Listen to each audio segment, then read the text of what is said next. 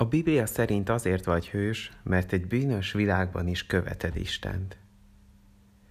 A dolgok nem csak rosszak voltak, hanem egyenesen szörnyűek. Amikor az ember elkövette az első bűnt, a bűn nem csak úgy beosont a lakásba, mint egy éjszakai tolvaj, hanem úgy rontott be, mint egy tank. Kilenc nemzedékkel később, az 1 Mózes 6 szerint így állt a helyzet. Az emberek szívének minden szándéka és gondolata szüntelenül csak gonosz, és megtelt a föld erőszakossággal. Aztán megbánta az Úr, hogy embert alkotott a földön, és megszomorodott szívében. Az emberek tehát elbuktak, nem tudtak jól élni. Amikor azt gondolnád, hogy itt a vég, egyszer csak ez történik. Noé igaz ember volt, fedhetetlen a maga nemzedékében, az Istennel járt Noé. Amikor mindenki csak rosszat akart már, Noé nem, hogy kicsit oké, okay, nem, hogy elmegy, hanem fedhetetlen, teljesen igaz volt. Nehéz másnak lenni.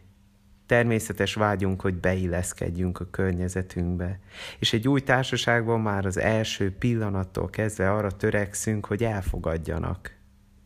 De ha keresztjén vagy, Isten arra hív el, hogy más legyél, mint a világ. A világ itt nem az összes embert jelenti a Földön, hanem az a világ része, aki a saját gondolatai szerint akar élni aki nem törődik Istennel, Isten tervével, Isten országával, csak azzal törődik, amit lát.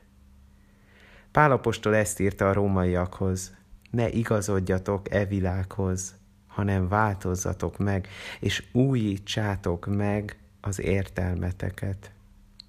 Igazodni azt jelenti, hogy beilleszkedsz egy formába.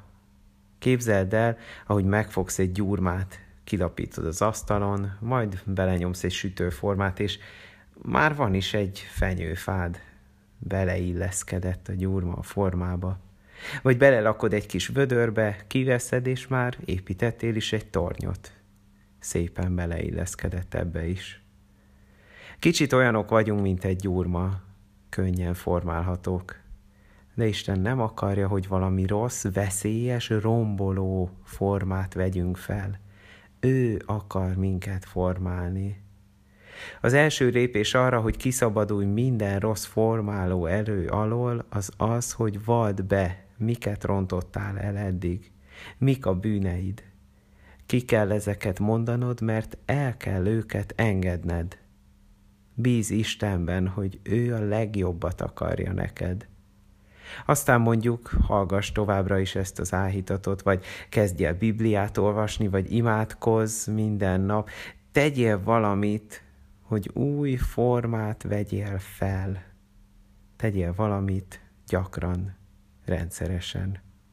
És figyelj oda, hogy neked nem kell semmilyen tömeget követned, főleg akkor nem, ha szembe mennek Istennel. Egy kis feladat a végére, most vedd elő a Bibliát. Törzsd le a Biblia alkalmazást, menj föl az interneten egy Bibliát mutató oldalra, és olvas belőle egy kicsit. Ha nem tudod, hol kezd, nyisd ki a Lukács evangéliumát, vagy a példabeszédek könyvét, és hagyd, hogy formáljon kicsit Isten.